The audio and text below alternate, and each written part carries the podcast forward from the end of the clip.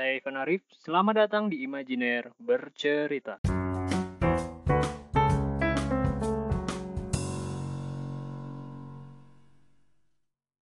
Nyala rasa.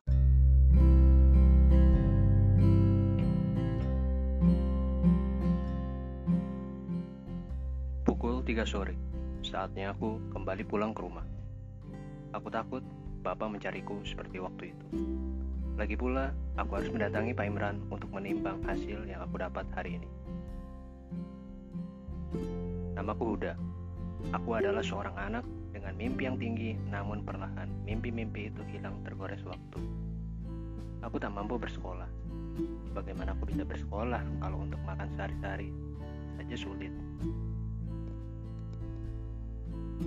Secara diam-diam, aku coba bantu keuangan bapak.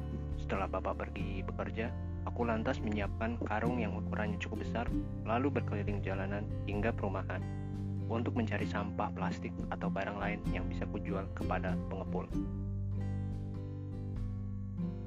Sebagai kuli panggul di pasar, bapak-bapak tidak seberapa. Terkadang aku kasihan melihat bapak yang harus memanggul barang di usianya yang terus menua. Oleh karenanya, aku terbesit membantu keuangannya secara diam-diam. Toh, hingga saat ini Bapak tidak pernah menyadari jumlah uang di dalam toples tempat penyimpanan bertambah. Ia terlihat tidak pernah menghitungnya. Kata bapak, umurku 10 tahun.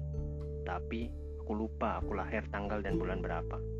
Lagi pula, buat apa sih memikirkannya? Merayakan ulang tahun. Tidak, tidak, tidak. Aku bukanlah anak seperti itu. Menjalani hari demi hari sambil melihat bapak tertawa dan bercanda saja sudah membuat hatiku senang. Tapi entahlah bila bapak mengetahui aku menjadi pemulung seperti ini. Aku takut dia marah dan kecewa.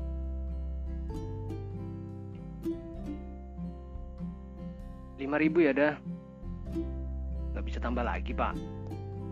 Duh nak, gak bisa. Itu udah aku tambahin loh. Kalau enggak, kamu cuma dapat 2000. Sudah, sudah, sana pulang. Makasih, Pak. Aku tidak merasa kesal oleh sikap Pak Imran. Bahkan menurutku, aku patut bersyukur bisa kenal dengannya. Pernah suatu hari, aku dapat hasil yang sangat sedikit. Pak Imran tetap memberikanku uang 5000 rupiah. Bahkan beberapa kali Pak Imran memberikanku nasi bungkus untuk kumakan. Aku lantas memakan nasi bungkus itu secara diam-diam di rumah, sehingga ketika malam tiba dan makan malam, Bapak bisa makan malam lebih banyak untuk mengisi tenaga kerjanya esok. Tapi tadi aku sedikit memaksa Pak Imran untuk menambah uang, karena aku memiliki keinginan yang sangat aku ingin miliki. Aku berjalan ke pasar, terlihat dari kejauhan seperti, seperti biasa, Bapak tengah menyapu halaman pemilik beras yang tersohor di pasar.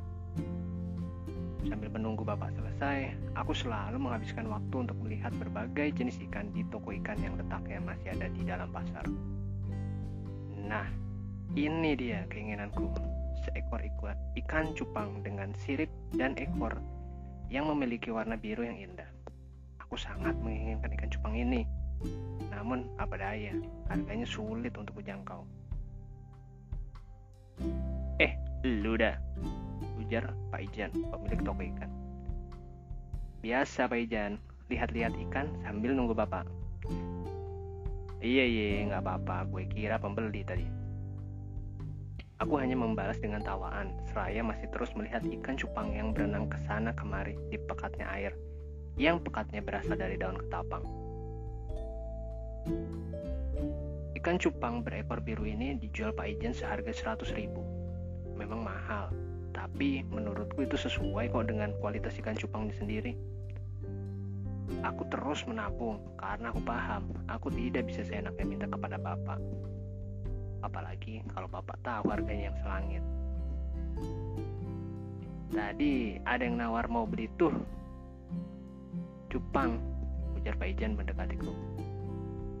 Terus tahu orangnya pulang lagi. Jangan dijual lah pak. Udah janji deh, Satu bulan lagi saja, uang Huda bakal kekumpul seratus ribu, ujarku memaksa. Lama amat dah, keburu diambil orang lah. Kalau harganya cocok, ngapain gue tahan lama-lama? Pak Ijan benar, dia adalah seorang pedagang. Buat apa dia harus menunggu lama jika ada pembeli yang bisa membeli ikan itu lebih cepat?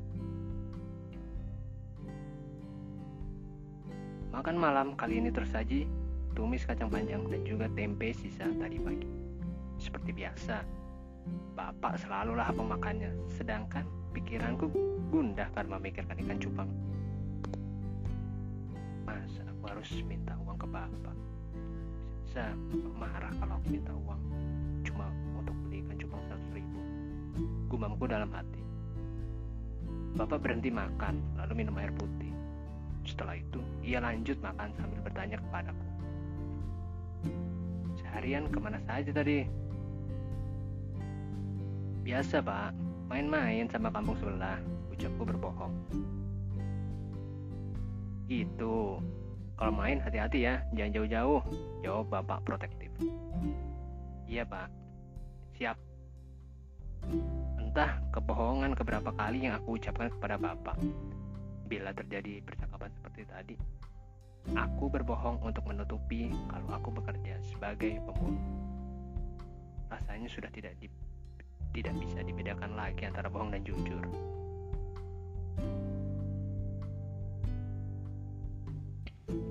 Bapak sudah tertidur, tertidur pulas dengan suara dengkurnya yang keras, sedangkan aku masih merenung berpikir. Bagaimana cara mendapatkan uang lebih banyak dan cepat untuk membeli ikan cupang yang aku inginkan? Satu-satunya cara adalah bekerja sedari pagi, lalu mencoba meminta pekerjaan tambahan kepada Pak Imran. Pikirku dalam hati.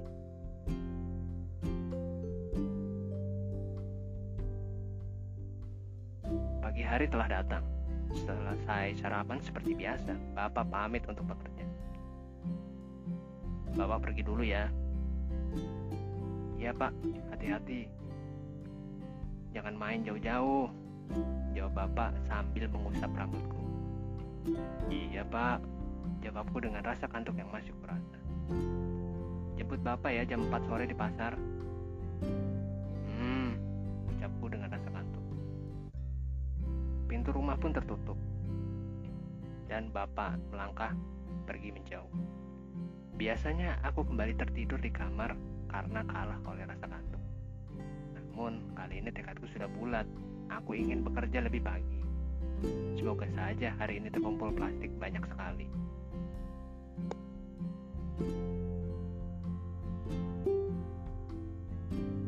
Lumayan banyak dari ini. Nih, 20 ribu.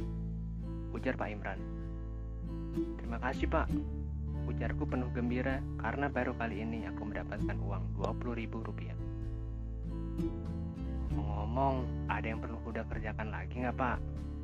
Tanyaku memastikan. Maksud kamu? Tanya Pak Imran bingung. Kud, Huda lagi butuh uang nih pak. Mungkin ada pekerjaan untuk menambah uang Huda. Beberapa saat Pak Huda terdiam mendengar ucapanku itu lama kemudian dia membalas. Gak ada dah, lagian udah sore, kamu gak dicariin sama bapak kamu. Astaga, aku lupa. Sudah janji untuk menjemput bapak jam 4 sore di pasar. Tibanya di pasar dengan hari yang sudah mulai gelap, terlihat toko beras tempat bapak bekerja pun sudah tutup dan sepi. Aku heran, ke mana bapak? Tidak mungkin juga kan kalau bapak langsung pulang ke rumah. Nah, sudahlah, saja di toko ikan Pak Ijan. Sampainya di toko ikan Pak Ijan, nampak Pak Ijan tidak ada di lokasi. Tokonya dijaga oleh pegawainya yang tidak aku kenal. Iya dek, cari apa?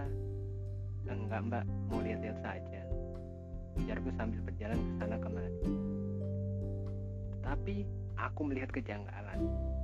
Ikan cupang ekor biru incaranku sudah tidak nampak lagi di etalase benar Pak Ijan sudah menjual ikan itu. Mau tanya Mbak, ikan cupang ekor biru yang biasanya ditaruh di sini di mana ya? Tanya aku memberanikan diri. Oh, itu.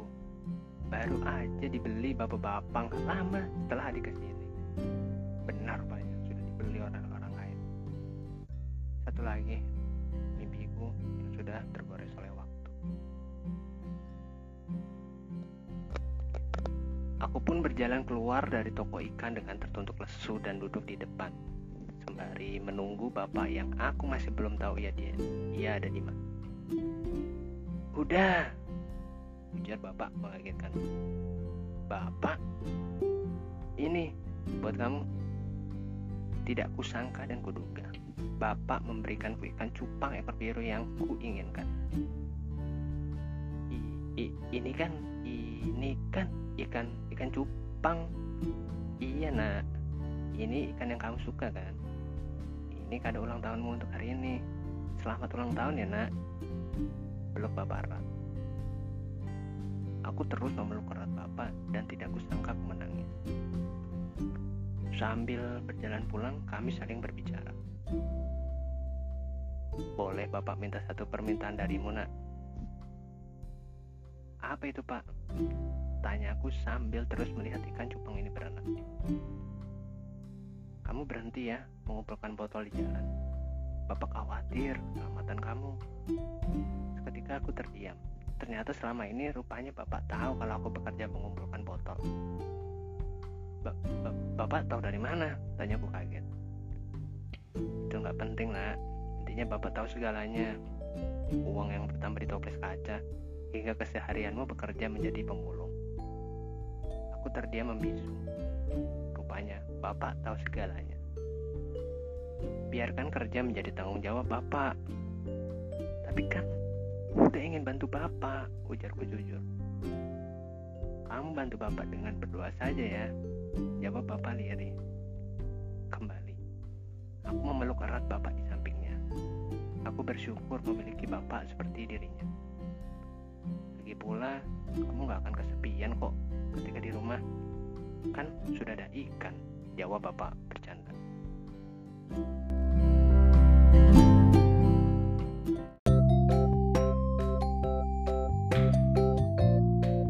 Akhir kata, mohon selalu dukungan dari para pendengar dengan mengikuti akun Instagram kami di @imaginer_id. Tuangkan segala jenis saran dan kritikan bagi kami Imaginer. Terima kasih dan selamat mendengar.